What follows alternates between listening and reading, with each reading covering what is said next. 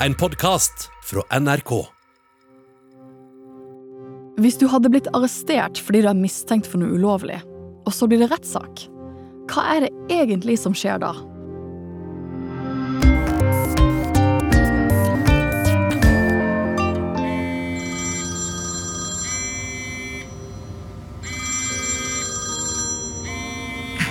Hei, det er Kristian fra politiet som ringer du.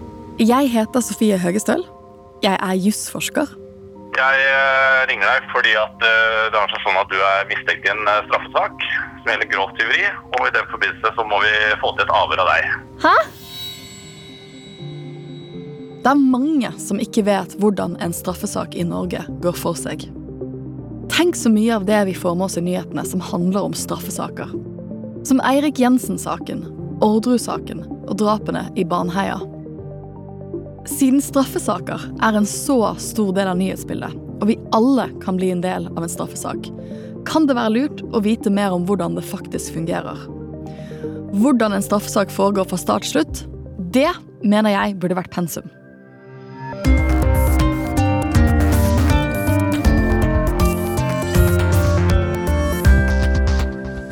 Vil tiltalte reise seg?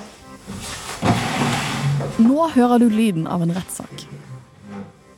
For at du skal forstå hvordan en vanlig straffesak egentlig fungerer, så skal du nå få være med på en oppdiktet rettssak mot meg.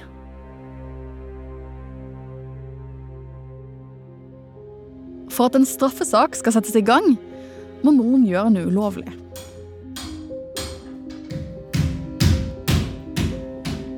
Jeg pusset opp leiligheten min i vinter og gikk på en skikkelig pengesmell.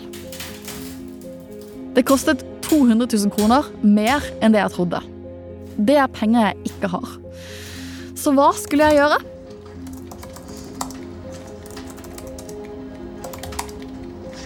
En dag jeg sitter på kontoret mitt på jusfakultetet til Universitetet i Oslo, begynner jeg å gå panisk rundt i gangene.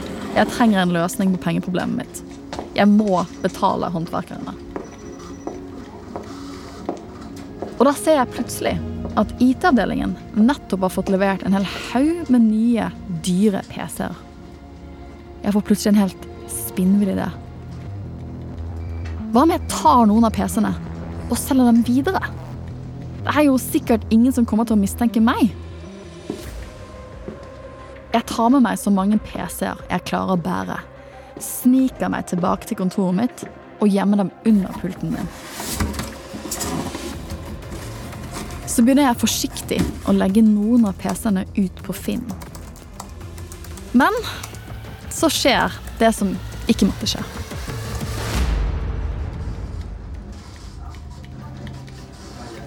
En solfylt sommerdag skal IT-avdelingen ordne noen datagreier på kontoret mitt. Og da finner de PC-ene under bordet med en stor, gul lapp. Det er skrevet 'solgt på Finn'. Ikke, ikke mitt stolteste øyeblikk. Så ringer mobilen. Hei, det er Kristian fra politiet som ringer du. Du, jeg eh, ringer deg fordi at det det er sånn at du er mistenkt i en eh, straffesak som gjelder grovt tyveri, og i den forbindelse så må vi få til et avhør av deg. For det er faktisk ikke uvanlig at man får vite at man blir etterforsket av politiet gjennom at de ringer til deg. Og så innkaller de personen til et avhør på politistasjonen. Og det er det som nå skjer med meg. Passer mandag klokka ni, eller? Ja, det gjør vel det. I mitt tilfelle har jeg jo stjålet disse PC-ene. Og da er det første steget i straffesaken at politiet får vite hva jeg har gjort. Eller hva noen tror jeg har gjort. IT-avdelingen på jobben min anmelder meg til politiet. Og når politiet får anmeldelsen, så oppretter de en straffesak. Så snart saken kommer inn til politiet, så vil den bli gitt til en etterforsker og en påtalejurist. Og en påtalejurist er en veldig fancy måte å si at det, er en jurist som jobber med straffesaker i politiet. Og disse to personene blir da gjerne hovedansvarlig for å starte neste steg i straffesaken mot meg. Og det er nemlig etterforskningen. Og hva skjer når politiet etterforsker en straffesak? Jo, de samler selvfølgelig inn bevis. Dette er politiadvokat Linn Elise Jems Onsdag. I denne saken så kom det inn en anmeldelse, så setter jeg meg rett og slett ned og leser den anmeldelsen og ser om vi skal starte en etterforskning. Det mener jeg vi skal i dette tilfellet, så setter jeg meg ned med en politietterforsker, og vi skriver en etterforskningsplan. I etterforskningsplanen så skriver vi f.eks. hypoteser på hva som kan forklare det som har skjedd. Etterforskningsskritt, som er ting vi burde gjøre i straffesaken. Dette kan f.eks. være avhør av tiltalte, avhør av vitner eller innhente overvåkningsmateriale. Og etter vi har gjort det, så begynner politiet å etterforske saken. Linn Elise har vært politiadvokat i flere år. Og det er Linn Elise som har fått ansvar for etterforskningen i min sak. Når vi etterforsker en sak, så sitter vi jo ikke og samler inn mer eller mindre tilfeldig fakta. Målet er å gjøre meg eller statsadvokaten og senere retten i stand til å vurdere om noe straffbart har skjedd. For når politiet starter etterforskningen mot deg, eller meg i dette tilfellet, så skal de ikke være ute etter å ta deg. De må nemlig følge en viktig regel. Og den regelen heter objektivitetsplikten. Etterforskningen skal være nøytral, og den skal være upartisk. Og vi skal avdekke og vurdere både det som svekker og styrker mistanken. Hvis du f.eks. sier at du var i Bergen når PC-en ble stjålet, må vi se om det er noe vi finner som kan underbygge det. I denne saken kan man spørre retten om man kan ransake for å sikre bevis. Man kan ta et avhør av deg, avhør av vitner, de som eventuelt så det, eller de som eventuelt har kjøpt eh, PC-ene. Vi kan hente inn dokumentasjon på din aktivitet på Finn, kanskje kontoutskrift, eventuelt overvåkningsmateriale. Kanskje lurer du på om vi må sitte i varetekt, altså i fengsel, mens politiet etterforsker saken og samler inn bevisene. Men det er faktisk ikke så vanlig med varetektsfengsling i en mindre straffesak som denne. Tre praktiske grunner til at påtalemyndigheten ber om varetektsfengsling, er for det første at det er fluktfare. For det andre at siktede kan ødelegge bevis ved f.eks. å fjerne spor eller påvirke vitner. Og for det tredje hvis det er gjentagelsesfare. Dvs. Si at vi er redd for at hun skal gjøre det igjen fordi det er 30. gangen hun har stjålet PC denne uken. Jeg ble ikke varetektsfengslet. Men som du kanskje husker, så ble jeg innkalt til et avhør som en del av etterforskningen. Og da trenger jeg en forsvarer, for alle som skal avhøres av politiet, har rett på en forsvarer. Og du kan selv velge hvilken advokat du ønsker. Men det er ikke nødvendigvis slik at staten betaler for forsvareren din. Ofte må du betale for advokaten selv når du bare skal inn til et politiavhør. Heldigvis kjenner jeg noen som kan hjelpe meg. Katrine Holter har doktorgrad i strafferett og jobber nå ved Politihøgskolen. Og har erfaring fra å jobbe som forsvarer. En forsvarer er en advokat som skal være representanten til den mistenkte i en straffesak i møte med rettssystemet. Det har visse likhetstrekk med sånn som det vil være for en lege, f.eks. En lege som får en drapsmann på operasjonsbordet, er jo forpliktet til å forsøke å redde livet til den som ligger der, selv om man vet at den personen nettopp har begått ganske grusomme forbrytelser. Og En forsvarer skal ikke redde livet, men forsvareren skal verne om den personen sine rettigheter i møte med systemet. Så forsvarerens jobb er på sett og vis å forsvare personen og ikke handlingen som det er snakk om. Katrine har takket ja til å være advokaten min, og sammen reiser vi ned til politihuset for at jeg skal bli avhørt. Og jeg kjenner at jeg er veldig spent, fordi jeg planlegger å lyve til politiet. Det er nemlig ikke straffbart å lyve til politiet når man er mistenkt, sånn som meg. Det er bare ganske risikabelt, for det kan være vanskelig å huske alt jeg har løyet om, sånn at jeg forklarer det samme hver gang. Og så er jeg jo veldig dårlig til å lyve. Jeg er den type person som blir nervøs av at det blir billettkontroll på bussen, selv om jeg alltid har gyldig billett. Så det å skulle lyve til en politietterforsker, det blir ingen enkel sak. Og nå er avhøret i gang. På den ene siden av bordet sitter politietterforskeren som skal avhøre meg. Og på den andre siden sitter jeg og forsvareren min, Katrine. Etterforskeren starter avhøret og setter i gang et lydopptak hun kan høre på senere, så hun slipper å skrive ned alt jeg sier. Etter det forteller etterforskeren meg om hvilke rettigheter jeg har under avhøret. Og så er det forsvareren min Katrine sin tur. Jeg er med deg i dag for å se til at dine rettigheter ikke blir krenket gjennom dette avhøret. Eh, samtidig så skal dette være en samtale som først og fremst skal foregå mellom deg og etterforskeren. Men jeg kommer til å gripe inn uredd dersom jeg mener at det er grunn til det. Men jeg kan ikke hjelpe deg å svare på enkeltspørsmål. Det er likevel viktig at du husker at du er ikke forpliktet til å svare på alle spørsmålene til politiet. Det siste der er viktig, og noe som er verdt å merke seg hvis du skal i avhør. Loven er veldig tydelig på at du ikke har plikt til å forklare deg. Du må altså ikke svare på spørsmålet deres hvis du ikke vil. Eh, du Sofie, Og nå er avhøret i gang. hvordan havnet de PC-ene på kontoret ditt egentlig? Altså, jeg vet ikke hvordan de havnet der. Eh, altså, jeg skjønner nå at de har vært der, men jeg har jo et ganske stort kontor. Det, altså, altså, de kan jo ha havnet der på mange forskjellige måter. Er det noen andre som har tilgang til kontoret ditt, da? Ja, altså, alle, alle har jo egentlig samme lås, så hvis du har den nøkkelen, så kan det komme inn i flere kontorer. Er det noen du kan komme på at du kan tro har stjålet eh, dataene og satt det der? Altså, jeg tenker at jeg jobber sammen med en del mistenksomme professorer som kan mye juss. Så jeg blånektet først for alt. Men etterforskeren presset meg, og jeg er ikke helt sikker på at de trodde på det jeg sa. Du sier jo nå at du ikke vet hvordan de eh, PC-ene har kommet dit. Men vi har vært i kontakt med et vitne som sier at, eh, at personen så deg i gangen bærende på veldig mange dataer og låste deg inn på kontoret ditt. Hvordan kan det ha seg, det? Altså, ja, for, for å være helt ærlig, så Altså, det jeg mente å si i sted, det var at uh, Altså, det som skjedde her, var at jeg, jeg så Jeg så de PC-ene um, utenfor IT-sjefens uh, kontor, og så ble jeg veldig redd for at noen andre skulle ta dem. Um, og, derfor, og det var bare for, at, for å passe på at ingen andre stjal dem, så tok jeg med dem inn på kontoret mitt for å låse dem ordentlig, sånn, sånn at det skulle være trygt. da.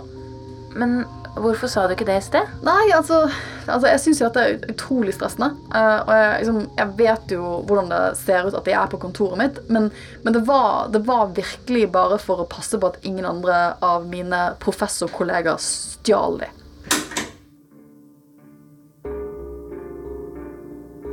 Hva skjer med saken min videre nå?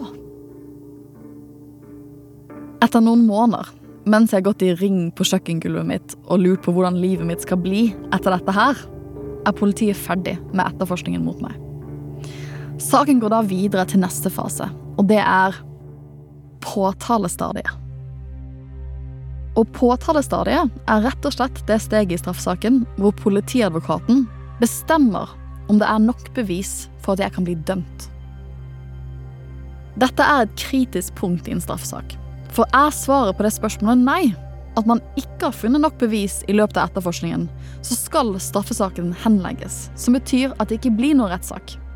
Det er rett og slett ikke nok bevis til at jeg kan være sikker på at personen er skyldig. På den andre siden, hvis politiadvokaten mener at det er nok bevis til å dømme noen, så tar politiadvokaten ut en tiltale. Og det betyr at den mistenkte, som i dette tilfellet er meg, må i retten. Tiltalt for å ha gjort det jeg er anmeldt for. Det betyr ikke at jeg er dømt ennå, men det betyr at politiet ikke har trodd på meg. Og at de faktisk mener at de har nok bevis til å kunne overbevise en dommer om at jeg er skyldig. Her er Linn Elise igjen. En tiltale er et dokument hvor vi skriver hva vi mener har skjedd, hvem som har gjort det, og hvilken forbrytelse vi mener er begått.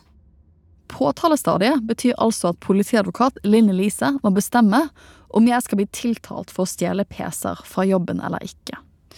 Og hvilket bevis er det politiet har på meg, egentlig? I denne saken så har vi meldinger du har skrevet frem og tilbake med nye lykkelige eiere av PC-ene. Vi har avhør av deg, kontoutskrift og overvåkningsvideo. Men for at noe kan brukes som bevis mot meg i en straffesak, så må bevisene være veldig sikre. Det holder ikke å tro, jeg må nesten vite. Når man ser på det samlede bevisbildet, altså alle bevisene vi har samlet inn, så må man være overbevist om at siktede er skyldig. Og man må føle seg sikker på at dette kan bevises i retten. Og nå er vi kommet til det jeg har lurt på i mange måneder. Blir det straffesak mot meg i retten, eller blir saken henlagt? Forsvareren min, Katrine, ringer meg. Hei, Sofie. Jeg har eh, dessverre litt dårlige nyheter. Politiet har eh, tatt ut en tiltale i straffesaken din. Oi. Så nå kommer denne her til å gå til retten. Det er veldig synd. Det betyr jo at eh, politiet dessverre ikke har trodd på forklaringen din. Men det fine med dette her er jo at du da får eh, muligheten til å prøve bevisene en gang til for retten. Ok. Ja, da får vi forberede oss på det. Nå blir det rettssak i Oslo tingrett.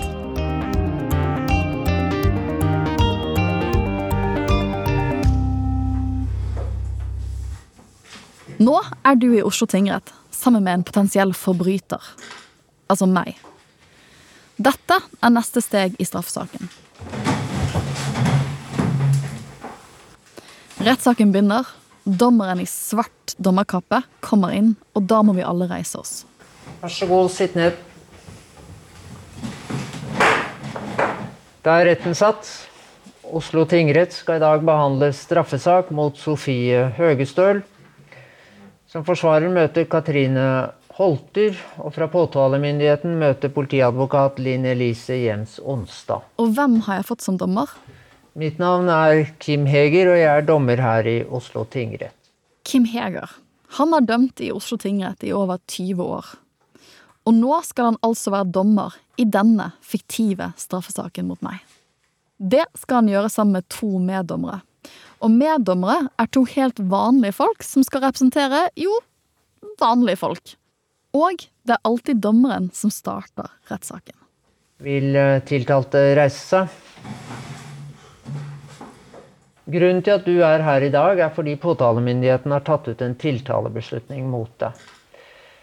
Da vil jeg be aktor om å lese tiltalebeslutningen. Setter herved Sofie Alexandra Engli Høgestøl, født Nå leser aktor, altså politiadvokaten, opp det jeg er tiltalt for å ha gjort. Dette har aktor forberedt nøye på forhånd, og jeg kjenner at jeg er nervøs på mine egne vegne, selv om saken er fiktiv. for med forsett om å skaffe seg en uberettiget vinning. Grunnlag onsdag 16.6.2021 ca. klokken 17 i urbygningen på Universitetsplassen i Oslo tok hun 14 bærbare Mac Pro tilhørende Det juridiske fakultetet til en samlet verdi av 230 000 kroner. Høgestøl, erkjenner du deg skyldig eller ikke skyldig etter denne tiltalebeslutningen? Ikke skyldig. Takk skal du ha. Da kan du sette deg ned. Etter at dommeren har startet rettssaken og spurt den tiltalte, altså meg, om jeg mener jeg er skyldig eller ikke, så starter aktor å forklare hva saken handler om. Og det er fortsatt politiadvokat Linn Elise som er ansvarlig for denne saken. Ærede rett. Jeg vil nå kort presentere saken. Jeg vil deretter peke på de problemstillingene jeg mener retten bør være særlig oppmerksomme på, og deretter vil jeg si noe om de bevis som vil bli ført, og tidsplanen. Takk for det. Så er det forsvareren min sin tur. Katrine kan kommentere det aktor har sagt, om hun vil. Og det velger hun å gjøre. Ærede rett. Det er fra denne side ikke bestridt at eh, min klient hadde PC-er som tilhørte juridisk fakultet i sin besittelse.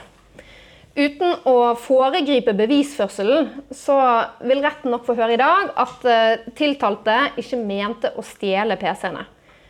Det sentrale spørsmålet i denne saken er etter Forsvarets syn om Høgestøl forsettlig har ment å ta og å tilegne seg de gjenstandene som tilhører fakultetet.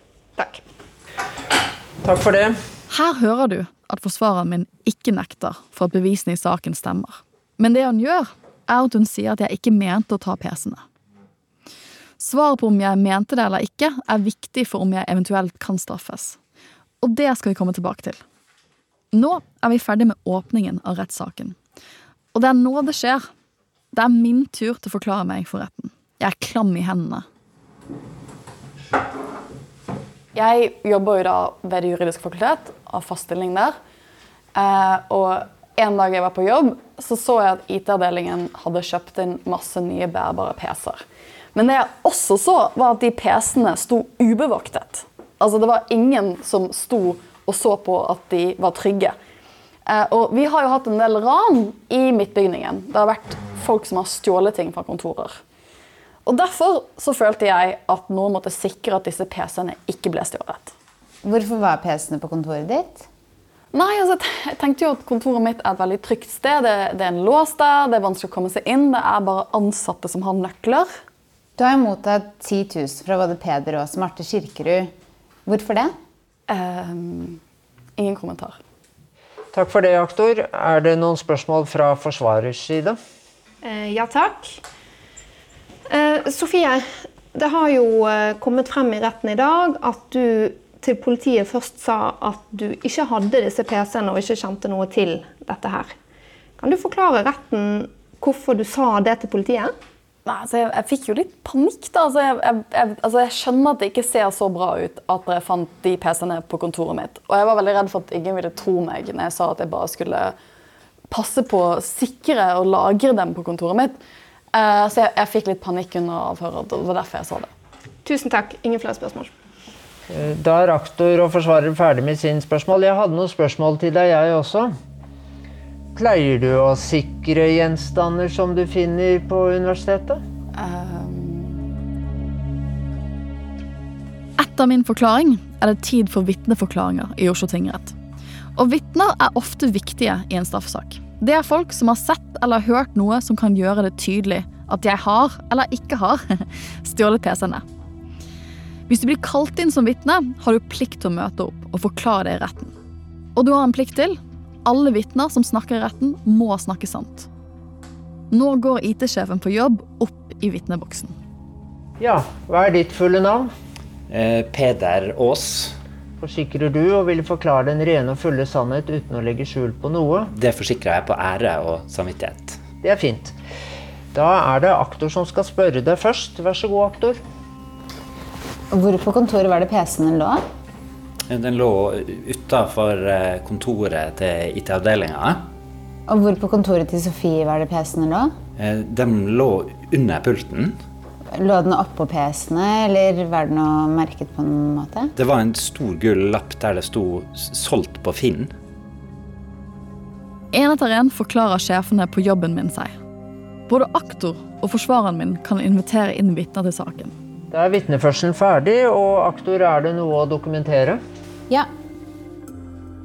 Og nå blir det spennende. For nå skal bevisene som ikke er vitner, legges frem for dommeren. Og her kommer det noe viktig du bør få med deg. I straffesaker er det nemlig sånn at prinsippet om bevisumiddelbarhet gjelder. Det er et litt vanskelig ord, men det det betyr, det er at bevisene skal fremføres direkte for dommeren, og at det skal skje muntlig. Det skal være umiddelbare bevis. Derfor blir det ofte mye opplesning fra dokumenter i retten. Og sånn skal det også gjøres, fordi informasjonen skal være lik for alle som er til stede. Ingen av dommerne skal vite mer enn de andre.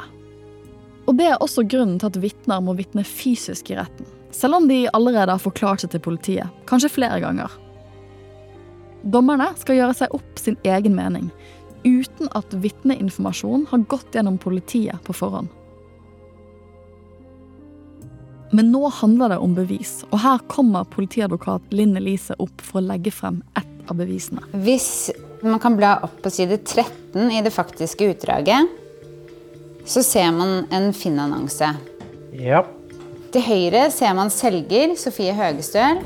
Og her ser vi at prisen er 20 000 kroner, og det er ti stykker til salgs.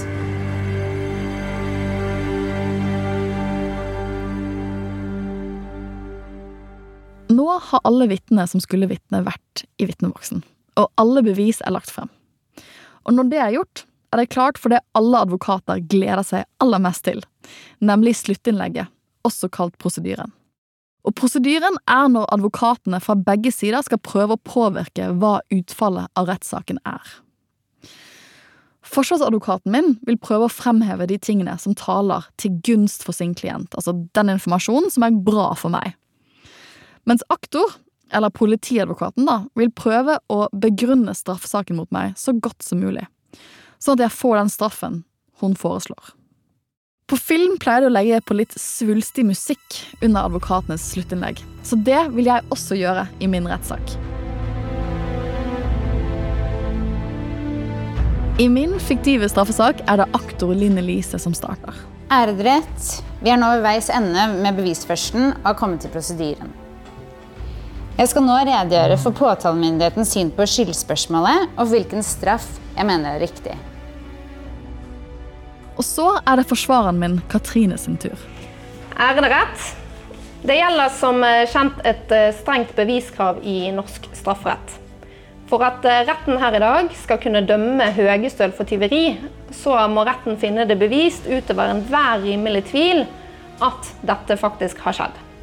Dette gjelder både for spørsmålet om Høgestøl har tatt disse PC-ene, men det må også kunne bevises utover enhver rimelig tvil at hun gjorde det med viten og vilje, og at hun mente å tilegne seg disse for å berike seg sjøl.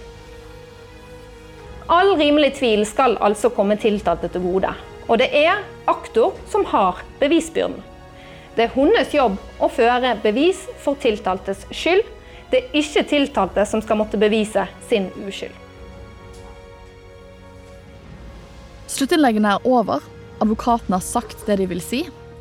Dommerne lytter og noterer, og så helt til slutt får den hovedtiltalte i saken, altså meg, lov til å komme med en avsluttende kommentar. Da er eh, saken opptatt i doms, men før det så har tiltalte anledning til å si noen ord. Ønsker du det, Høgestøl? Ja. Altså, jeg vil si igjen at jeg ikke er skyldig.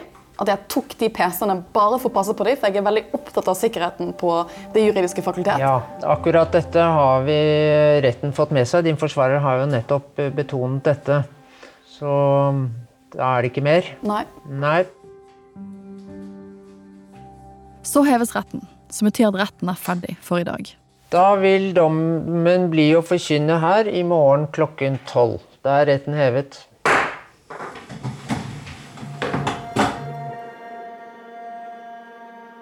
Etter rettssaken skal dommerne nå avgjøre om jeg er skyldig eller uskyldig i å ha stjålet PC-ene fra jobben min og solgt dem videre på Finn. Som du kanskje husker, er dommeren, Kim Heger, veldig erfaren han har jobbet som dommer i Oslo tingrett i over 20 år. Og nå vet jeg ikke om det hjelper min straffesak at han kanskje har sett mye verre ting før. For nå trekker han seg tilbake, som det heter, for å vurdere saken mot meg. Hovedforhandlingen er nå ferdig, og da går fagdommeren og meddommerne over til det som heter domskonferansen.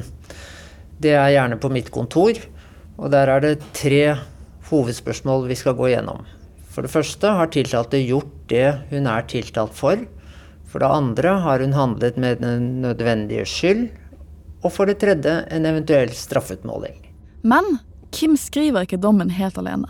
Det må han gjøre sammen med de to meddommerne i saken. Jeg pleier å la meddommerne starte å snakke i domskonferansen fordi det ikke skal være tvil om eh, at de har eh, et selvstendig eh, rett og plikt til å vurdere saken. De skal ikke bli påvirket av fagdommerne. Mange tror at fagdommere er bedre av en eller annen grunn til å vurdere bevis. Det er de ikke. Jeg understreker også i begynnelsen at for å kunne dømme må man være sikker utover enhver rimelig tvil. Og her oppstår ofte et stort problem. Når er man sikker nok? Sammen skal disse tre personene vurdere om det er nok bevis for at jeg er skyldig. Og det betyr også at hvis det er noe tvil La oss si at det, eh, dommerne tenker at det kanskje kan være en annen person som har stjålet disse computerne. Ja, da skal den tvilen komme meg til gode. Og da går vi gjennom bevisene. I den saken vi har hørt i dag, så er det jo ikke øh, kanskje så vanskelig å sortere og bearbeide bevisene. Det er tiltaltes forklaring og noen vitneforklaringer. Men det kan være mye arbeid. En domskonferanse kan ta flere dager, hvor vi skal gå gjennom vitnebevis, tekniske bevis og dokumentbevis. Og prøve å sortere ut dette. Og hele tiden så må dommeren og meddommerne jobbe sammen om dette. Så kom vi frem til eh, avslutningen på domskonferansen, og der er det viktig å understreke at eh, meddommernes stemme veier eh, like mye eller like lite som fagdommerens. Vi er ikke Fagdommeren har ikke noe dobbeltstemme eller slike ting. Og da kan saken ende med det som heter dissens, altså at man er uenig. Men det er jo to meddommere og én fagdommer, så man, stemmetallet vil aldri bli likt. Hvis dommerne mener jeg er skyldig, så må de også bestemme hvor streng straffen skal være, med tanke på det jeg har gjort. For grovt tyveri har jo en strafferamme hvor man kan få opptil seks år i fengsel. Det skal jo ganske mye til for å få maksstraffen. Og det betyr at dommerne må vurdere hvor mange dager eller måneder jeg skal i fengsel hvis jeg er skyldig. Straffeutmåling tar vi ikke helt ut av det blå. Vi følger de retningslinjer som er gitt i rettskildene i de vesentlige Høyesterett. Typisk i denne saken, som vi har hørt om i dag, så har jo Høyesterett flere ganger behandlet grovt tyveri. Og der må nok uh, fagdommeren forteller meddommeren at uh, man ikke står helt fritt. Vi må holde oss til det som Høyesterett har sagt, og de signalene som er. Selv om kanskje meddommerne oppfatter dette som veldig strengt eller veldig mildt. Det varierer. Men hvis man er enig, og det er man ofte, så får vi da en domskonklusjon og ferdig med det. Og da har sannhetens time kommet. Jeg skal få min dom. Etter det samlede bevisbildet finner retten bevist utover enhver rimelig tvil at tiltalte har forholdt seg som beskrevet i tiltalen, og at hun har handlet forsettlig og med vinningshensikt. Retten har, kanskje ikke overraskende, funnet meg skyldig. Til straffeutmålingen så ville retten konkludert med, på bakgrunn av omfattende rettspraksis fra Høyesterett, at denne type grovt tyveri må straffes med ubetinget fengsel. Det betyr at tiltalte må inn og sone, og jeg ville tro at straffen i dette tilfellet ville ligge på rundt 90 dager. Det dommer Kim sier, er at de tre dommerne er sikre på at de har gjort det med vilje, og at de har gjort det for å tjene penger. Derfor må jeg i fengsel. Jeg er knust, og min første reaksjon er at jeg selvfølgelig har lyst til å anke dommen til neste nivå, og det er lagmannsretten. Ved å anke til lagmannsretten vil saken min bli tatt opp en gang til, med to forskjellige dommere, altså helt nye dommere, og fem meddommere. Og kanskje det vil gjøre at jeg får en mildere straff, eller kanskje blir de så overbevist av forsvarsadvokaten min at de frifinner meg. For hvis dommerne i lagmannsretten mener at jeg er uskyldig, så gjelder ikke lenger straffen jeg har fått i tingretten. Da er det lagmannsretten som bestemmer. Jeg har likevel lyst til å prøve meg på en anke. Jeg har jo ingenting å tape. Og forsvarer Katrine skriver en anke for meg til lagmannsretten i Oslo. Det går noen måneder, og svaret blir nei. Lagmannsretten har ikke lyst til å behandle saken min. Og det betyr at jeg er endelig dømt. Game over. Nå må jeg sone straffen min.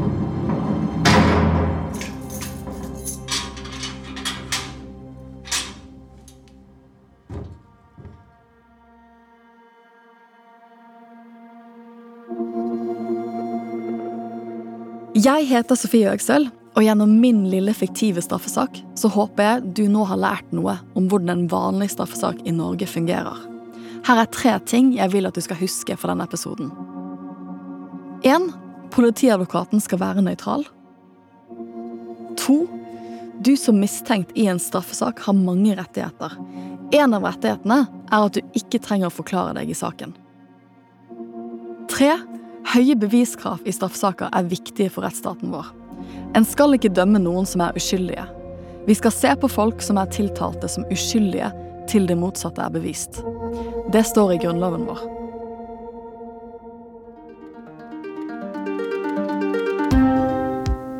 Har du lyst til å høre om flere temaer som burde vært pensum? Følg Burde vært pensum i appen NRK Radio. Burde vært pensum er laget av Lyder Produksjoner for NRK. Produsent Tine Eide. Research Agnes Akre. Lyddesign Sondre Myrhol. Eksekutiv produsent Christian Elmar Marstrander og ansvarlig redaktør fra NRK, Jan Egil Odland.